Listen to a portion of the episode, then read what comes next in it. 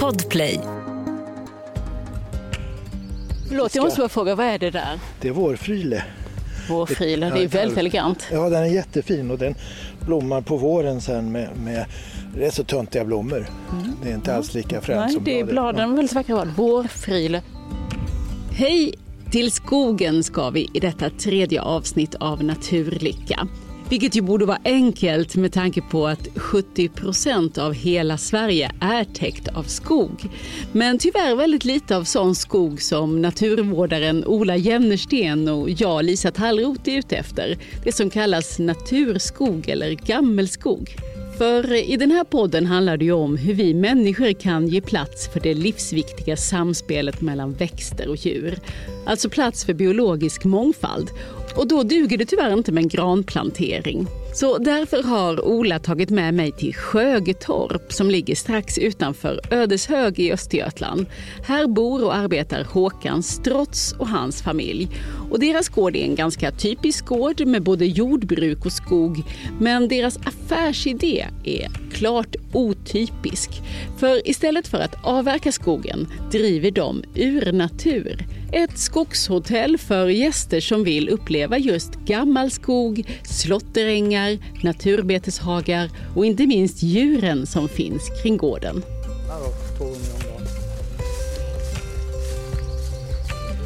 Och där har vi hästarna. Är det tre? Eller? Ja, just det. Det är Jag ser tre. Maluska och Nikolaj och så är lilla Grollan där borta. Hej på er! Ska ni komma och hälsa? Ja, De är verkligen sällskapliga. det här är Maluska. Hej du. Hej du. Vad sa du, är det 30 år ni har haft gården? Ja, men vi köpte den 1993 och så flyttade vi hit 1994.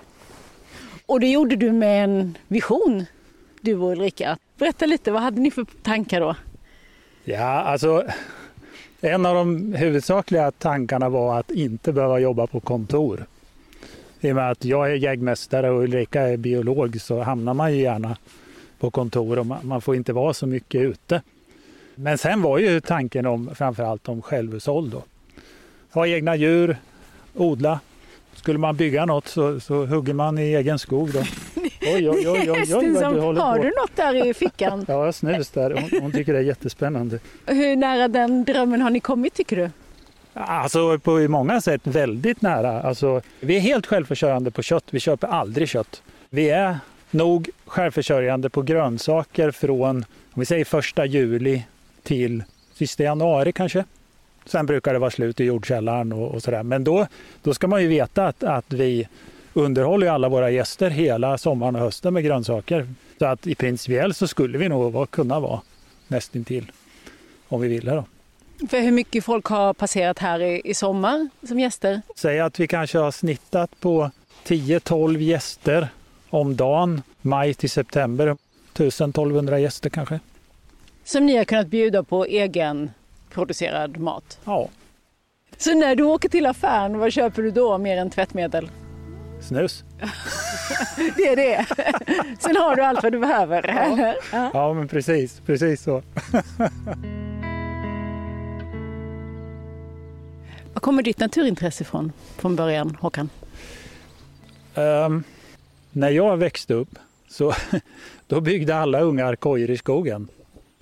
Så hade jag den turen att jag hade två likasinnade kompisar för att då upplevde jag det som så att, att man var i skogen och ute i naturen och att man åkte till Tåkern och kollade fågel eller Svartomynningen eller så här. Det var helt okej tills man kom till högstadiet och sen var det ju töntvarning. Är man då helt själv, alltså, då är det inte så, så lätt. Då. Men då hade jag liksom två kompisar så då, ja, då gick vi med i Fältbiologerna och sen så gick vi med i Linköpings fågelklubb och, och sen har jag bara fortsatt. Den här podden heter ju Naturlycka. Det är Ola som har hittat på det namnet. Det är väldigt bra. Vad, tyck, vad tänker du när du hör det ordet? Vad skulle det kunna betyda för dig? Alltså naturen ger ju väldigt mycket välbefinnande, väldigt mycket lyckokänsla. Man som tröttnar aldrig på och gå omkring här i skogen eller gå omkring i betesmarken. För man, man upptäcker alltid någonting nytt och någonting som helt enkelt gör en väldigt glad. Vi säger ju faktiskt nu för tiden att Vi är producenter av biologisk mångfald. Det är det vi går igång på, att producera biologisk mångfald. Sen, som jag sa tidigare, att våra gäster, det är ju fantastiskt roligt att se hur de uppskattar det här landskapet. De är med och finansierar den här skötseln. De är med och finansierar att vi inte måste ta ut pengar i skogen utan vi kan låta skogen stå. Mycket att titta på. Det är så mycket att titta på Ola. Nu tar vi mot skogen, det är ju till skogen vi ska. Vi förvirrar oss. Nu börjar Per skogen. definition. Vi kan, vi kan gå den här vägen faktiskt. Har gott det luktar i skogen. Mm. Särskilt när det regnar lite så här, lite lätt.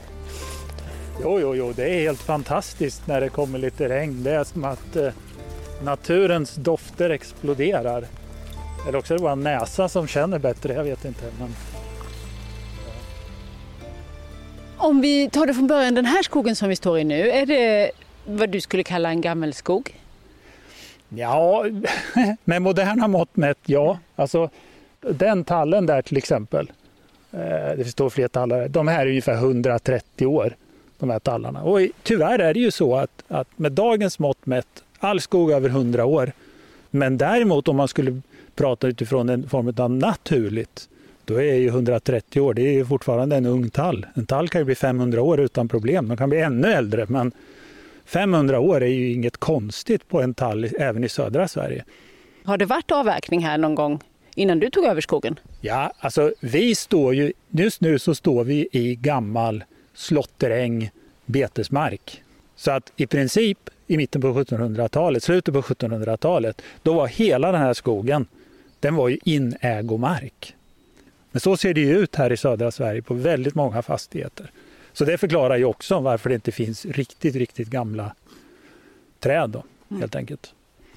Men sen pekar du på att det är flera granar här som är barkborreangripna. Det får ju många skogsägare att förtvivla. Vad tänker du när du ser att de är attackerade av granbarkborre? Ja, ja alltså, det är klart att man tycker på något sätt när, när man ser att det sprider sig va, så tycker man så här, ah, fasen, det var ju tradigt. Och det är klart, jag är ju människa jag också va, så tänker jag, fan, det hade jag ju kunnat såga plankor och brädor till något hus eller, eller sådär va. Alltså, vi har ju den, den fördelen att skogen för oss är en ekonomisk icke-fråga. Alltså vi lever ju inte på skog. Vi lever på att det kommer människor hit, vill njuta av den här miljön. Så, så det bekymrar mig inte ekonomiskt. Det är det det handlar om för många markägare. Att de, de ser ju tusenlappar, de ser pengar så att säga. Så att det är klart det blir lättare för mig att nu uppskatta det här. För jag brukar säga det att hackspettarna här, de är, de är så feta nu så de orkar knappt flyga. Det blir också så otroligt spännande här nu att se vad som händer med alla de här tallarna. De har ju väldigt uppskjutna, trängda kronor. Alltså de, de kommer ju att frodas här nu. Och, och det här är ju också så intressant eftersom det här är ju en traditionell bondskog. Alltså vad som har hänt här är ju att det har varit inägomark och sen så har jordbruket gått tillbaks, alltså djurhållningen har gått tillbaks och så har skogen tagit över då ungefär 1880-1890 någonstans. Det stämmer också bra med de gamla kartorna som är helt fantastiska om man går in på Lantmäteriet. Så att det här är ju en spännande naturtyp, det här alltså gamla bondskogar. För de, de har ju en blandning, alltså det är granar, det är tallar, det kommer ju massor med rönnar här, det kommer björkar. Alltså det är ju en blandskog, det är ju inte en granmonokultur eller en tall monokultur här inne. Och det gör ju också att den här skogen är det här fina och resilient. Alltså den, även om vi får barkborre här så försvinner ju inte hela skogen. Utan nu får tallarna fart, en massa andra saker får fart helt enkelt. Men, men själva poängen här är att du gör ingenting. Du låter naturen ha sin gång. Faller ett träd så får det falla och, och ligga kvar där det ligger. Du är inte här och röjer och härjar alls. Nej, men det är grundprincipen är alltså att, att eh, i den här skogen så gör vi ingenting annat än vi hämtar det vi behöver för oss själva. Alltså vi har ju byggt alla de här husen. Jag har aldrig huggt ved på 30 år faktiskt. Det blir ved, alltså det blir toppar och man röjer i beten och sådär. Men det är det enda vi, vi tar ut här. Eh, jag funderar mycket på det här att om vi skulle kunna flytta oss här nu 150 år bakåt i tiden till Olgas företrädare här. De skulle ha gjort precis samma sak som vi gör i skogen. De brydde sig inte särskilt mycket om skogen. Och så släppte möjligen djuren där och så gick de och hämtade liksom sitt husbehovsvirke, vad det nu var för någonting. De la all energi i inägomarken. De slog med lie, de hamlade träd, de byggde gärdsgårdar, de mjölkade sina kor, de vallade sina djur och de höll på. Va? Idag har vi vänt på kuttingen. Många gårdar idag, har de någonting kvar så har de lite betesmark och så har de lite åkrar. I värsta fall har de ingenting. Men kontentan är att väldigt många markägare idag, de lägger massor med energi i skogen. De planterar och de röjer och de gallrar och de springer och pysslar i den där skogen hela tiden och gör ingenting i ägomarken. Och båda två är i princip lika stort hot mot den biologiska mångfalden. Alltså vi måste backa några steg. Mer energi i ägomarken, och mindre pill i skogen så kommer vi att lösa jättemycket av de här problemen.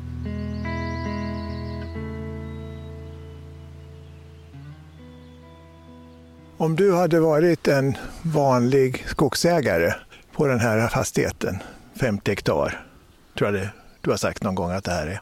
Hur skulle du kunna överlevt på den här skogen då? Nej, det går ju inte. Det finns ju inte på kartan. Alltså vårat skogsinnehav här, som det är just nu, nu har vi ju tre fastigheter, så är det ungefär 50 hektar skog. Då. Den kan i bästa fall omsätta 100-120 000 per år. Alltså omsätta. Ska man sen då skatta för det så är vi ju nere på kanske en 30-40 000 i års, årsintäkt.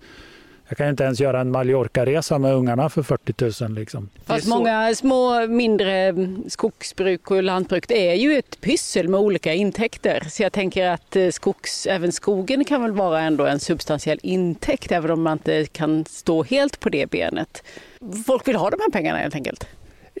Ja, visst är det ju så. Visst är det så att de är väldigt beroende av sin skog. Eh, och framförallt så är de väl det när de ser att de har en större utgift av något slag. Eftersom skogsbruk för de flesta inte funkar så att man, man plockar ut varje år utan man gör en större avverkning var femte, var tionde år eller något sånt där. Och sen har man ju skogskonton och liknande då man kan stoppa in pengarna och skjuta skatter och sånt där framför sig. Men vad min poäng egentligen är ju att, att jag tror att en svensk medelfastighet, alltså privatägd, är 50 hektar. Då menar jag bara att man, man kan ju ändå ställa sig frågan, om det nu då handlar om 30, kanske 40 000 per år. Ja, men för 30 000 kronor så kan ju hela mitt skogsinnehav vara en vacker, spännande skog. Men vi behöver ju inte heller säga 30 000. Vi skulle kunna säga men jag nöjer mig med hälften. Ja, då kan du halvera mängden avverkningar som du gör. Alltså det är den frågan som egentligen markägare idag borde ställa sig. Vad vill jag med min fastighet? Vad vill jag?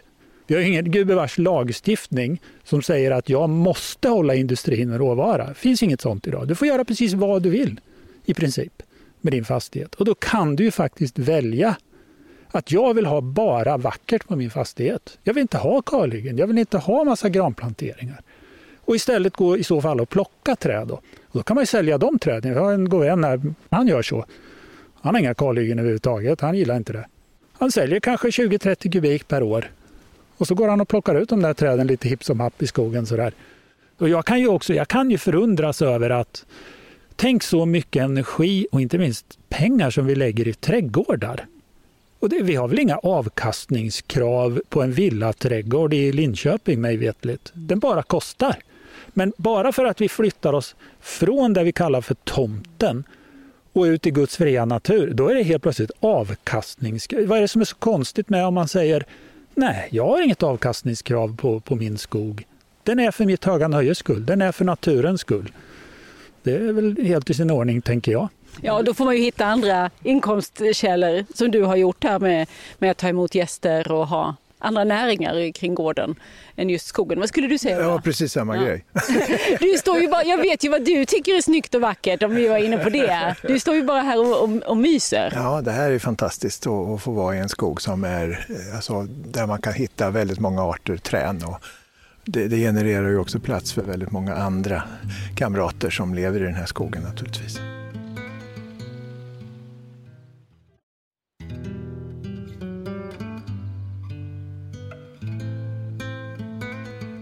Men kan du hjälpa mig lite med dina glasögon? Vad ser jag här omkring mig nu? ja, alltså, i en alltså- sån här, nu kallar vi det ändå gammelskog. Det, det Ny gammal skog. Nu är det ju en rätt så sen höstdag så att det som man blir, som slår en nu är väl kanske då bär och svamp.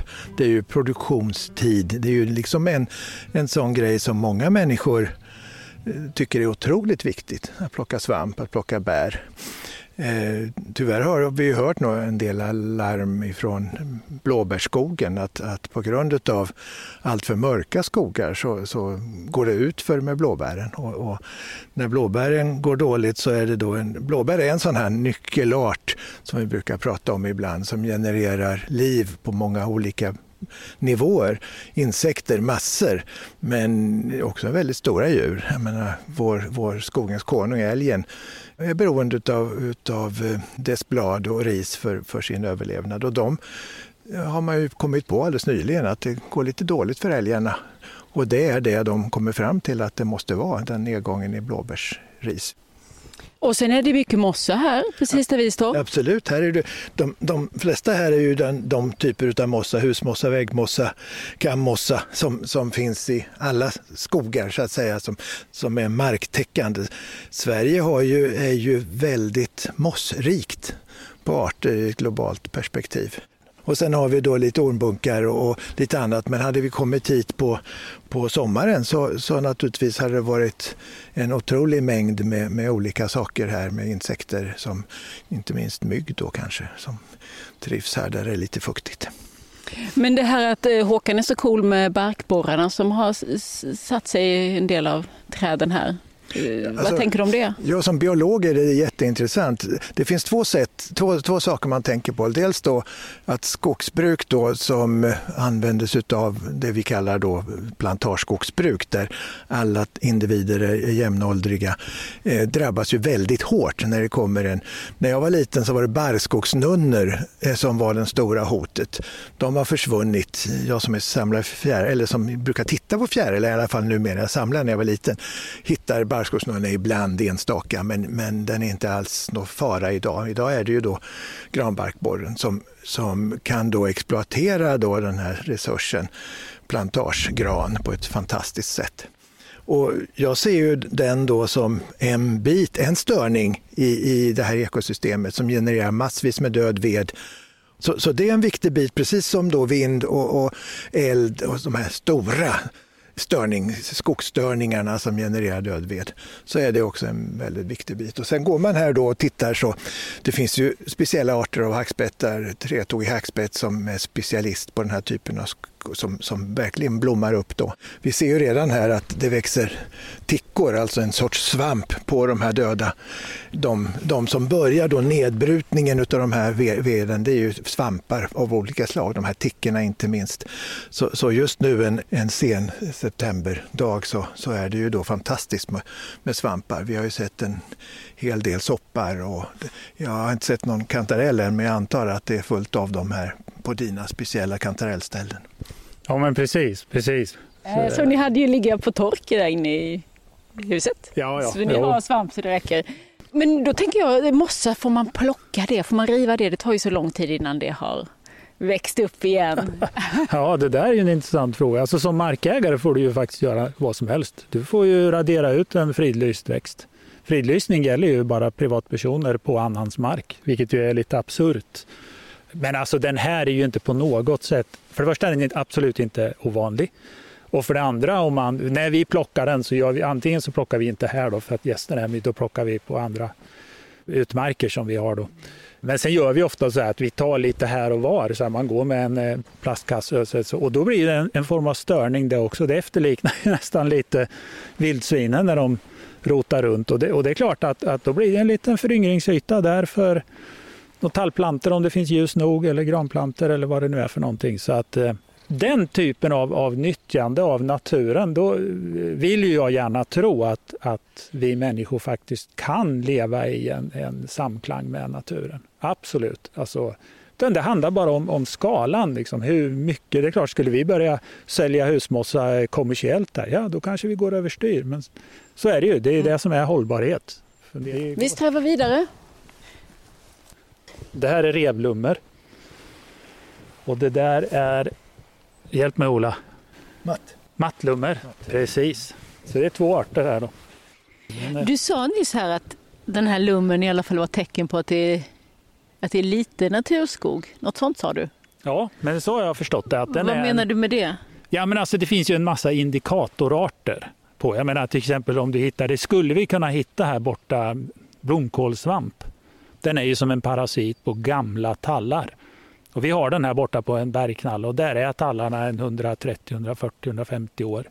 Så då indikerar ju den, utan att du har borrat eller har någon aning, du ser den, aha, det här måste vara gamla tallar som står där. Och så har jag förstått det med de här lummerarterna, att de, de indikerar att det är naturskog, inte urskog, men åtminstone en naturskog, då, att det är en hyggligt bra ekosystem i den skogen. Här ser de lite större.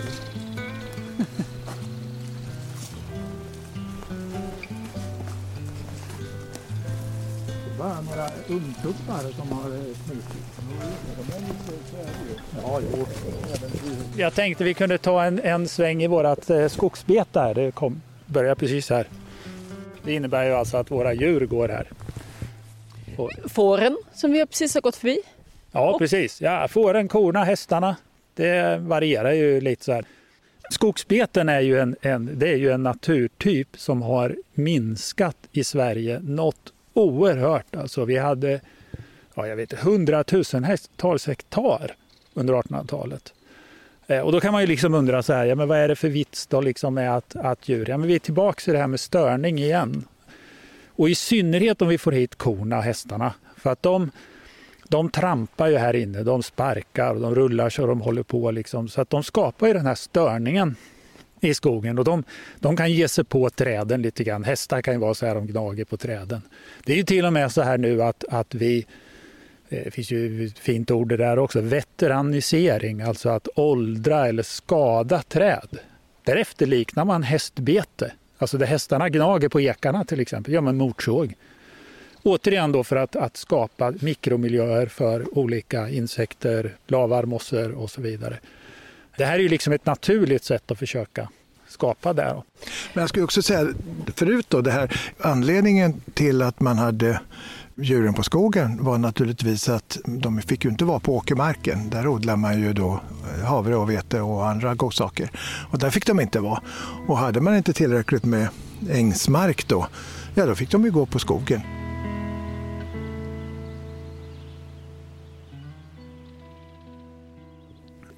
Det finns ju ett stödsystem i Sverige som, som är fantastiskt bra. Liksom. Hade vi inte det, liksom, då, då, skulle det inte finnas ett enda skogsbete i Sverige. Det skulle inte finnas en slåtteräng, ja, i reservat då är klart. Men, så att man får ju en ersättning.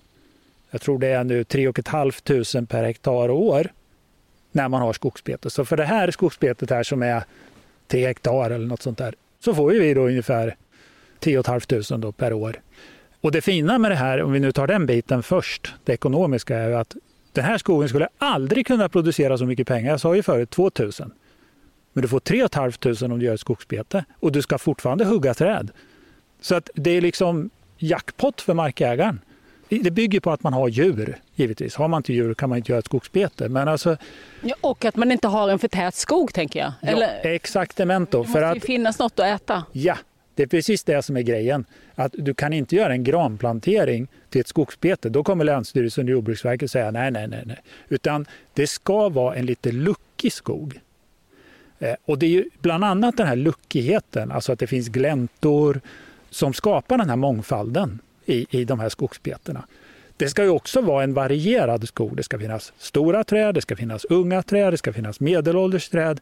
Det avviker också från en granplantering. Utan det, det, ska helt enkelt vara en väldigt mångfaldsskog som också djuren går runt och betar i. Och djuren är med och skapar ytterligare den här mångfalden då som blir i skogen. Då. För, för människoögat så är de här skogsbetena otroligt vackra. För om du tittar här bortåt så är det ju väldigt öppet. Alltså all undervegetation är uppäten och man kan se väldigt långt in i den här betade skogen. Som naturligtvis är en av orsakerna till att det blir så artrikt. Ljuset kommer ner.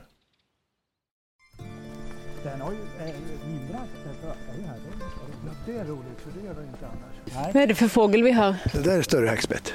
Det är alltså den som det går riktigt bra för i Sverige som är, finns i alla skogar. Och de flesta fågelmatningarna på vintern också. Större hackspett. Ja. Lite slapp namngivning där tycker jag. Ja.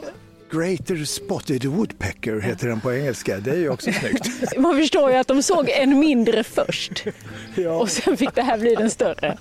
Eh, Jag tänkte just säga, det, det här är lite...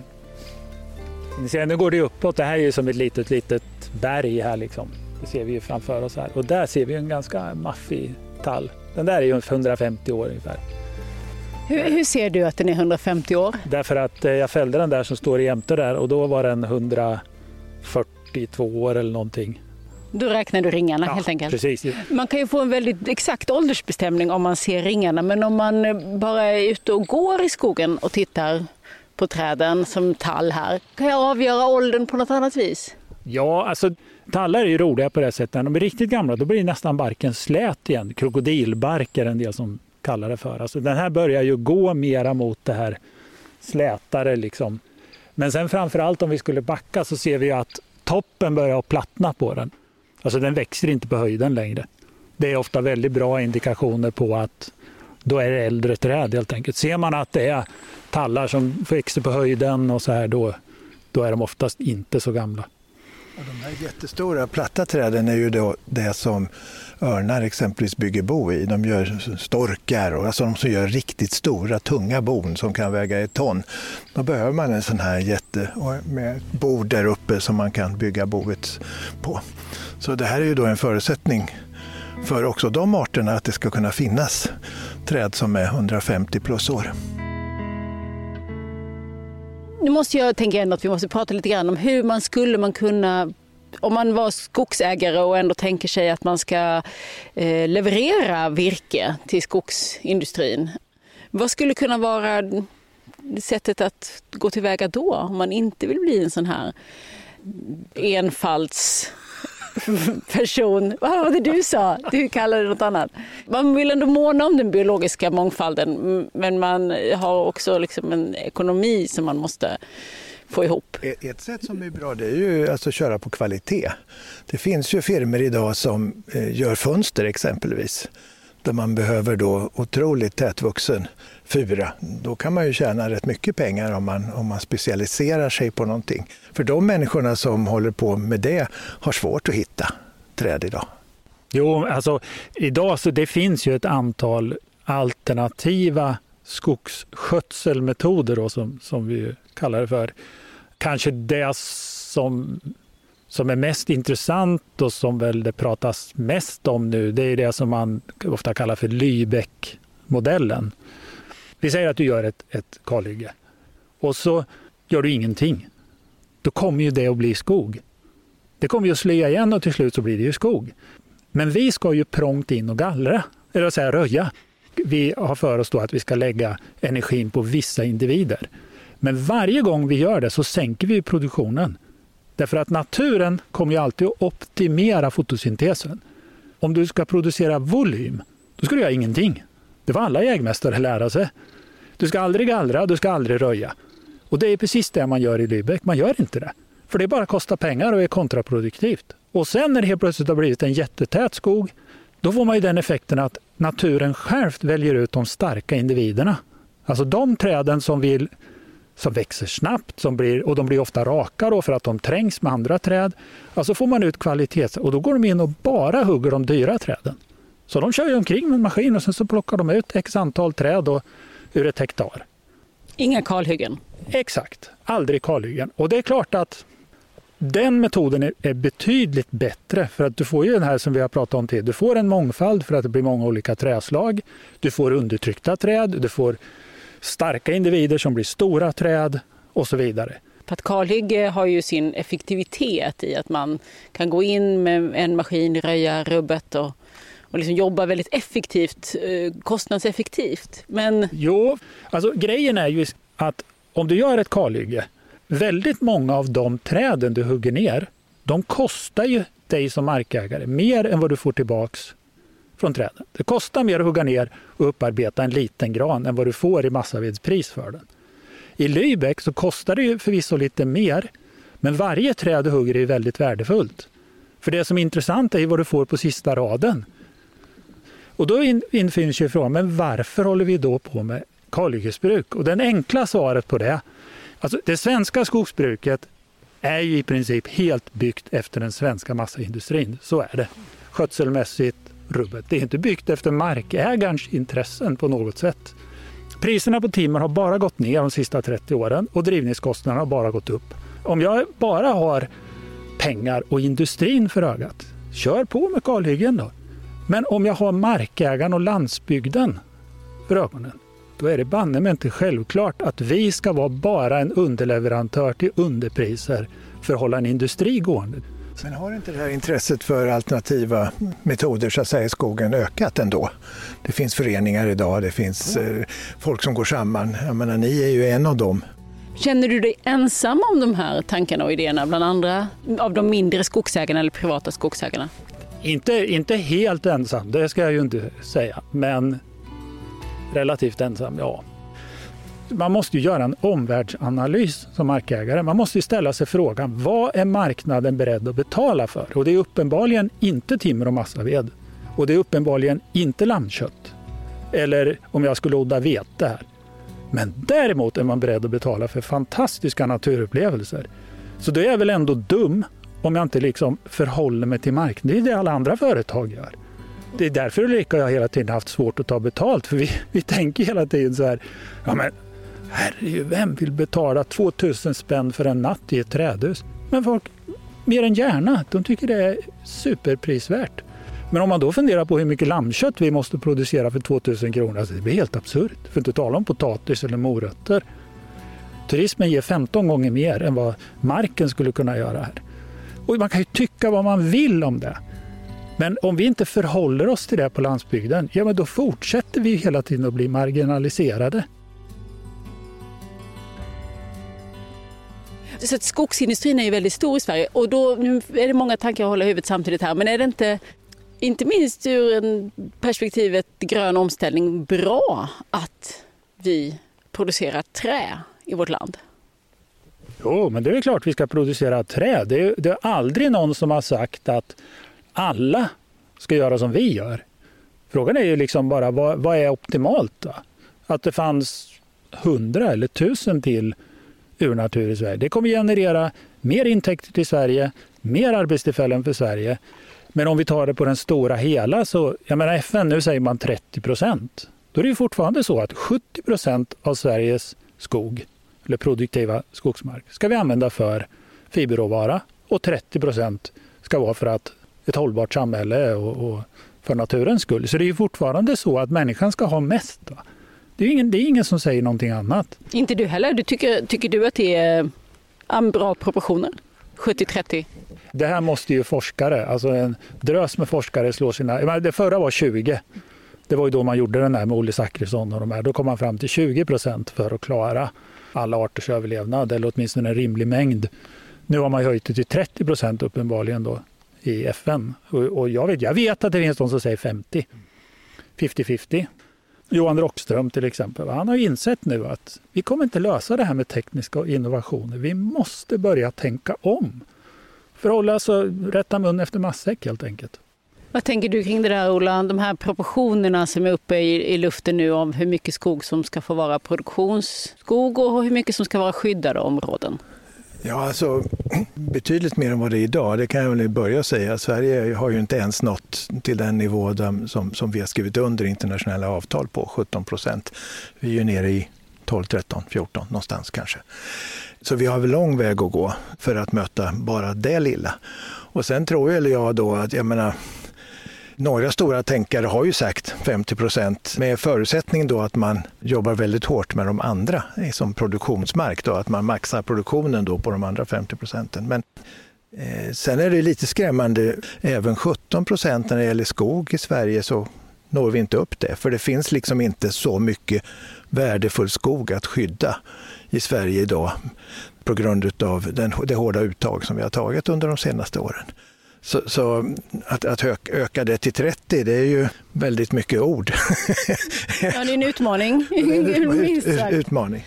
Utan det måste finnas då många, så, många skogsägare som, som tänker som Håkan för att det ska kunna det bli. Det, det finns, men, men ni är ju inte vanligast i skogen. Ja, man fick lite att tänka på där under skogspromenaden med Håkan Strotz som driver skogshotellet Urnatur på Sjögetorp i Östergötland. Kolla gärna in Olas fina bilder från vår dag i Sjögetorp. De finns på Instagramkontot Naturlycka Ola Jennersten. Och Håkan han har ju verkligen tagit sitt hållbarhetstänk långt. Men även i ett traditionellt jordbruk går det att göra viktiga insatser för den biologiska mångfalden. Det ska du få lära dig mer om när vi träffar viltmästare Anton Johansson. Då är det ju att utnyttja de små bitarna till något annat än bara en kantzon. Tänk på att utnyttja den arealen vi har, för den är begränsad. Jag kan tänka mig att en lantbrukare skulle tycka att det är jättekul att se en solrosrad efter en, en inäga eller någonting. Fyra meter bred solrosremsa är ju jättekul att kunna åka och kolla på när den står i full blom som vi har på några ställen. Det är ju otroligt vackert. Nästa gång här i Naturlycka. Och vill du veta ännu mer om biologisk mångfald och våra olika arter, då ska du såklart läsa Ola Jennerstens bok med samma titel, Naturlycka. Alla avsnitt av Naturlycka hittar du i gratisappen Podplay eller nytt avsnitt varje torsdag på alla andra plattformar. Vi som gör den här podden, det är jag, Lisa Tallroth och Ola Jennersten. Och för ljudmixen svarar Mats Liljenberg. Naturlycka är en podd från Bazar förlag. Podplay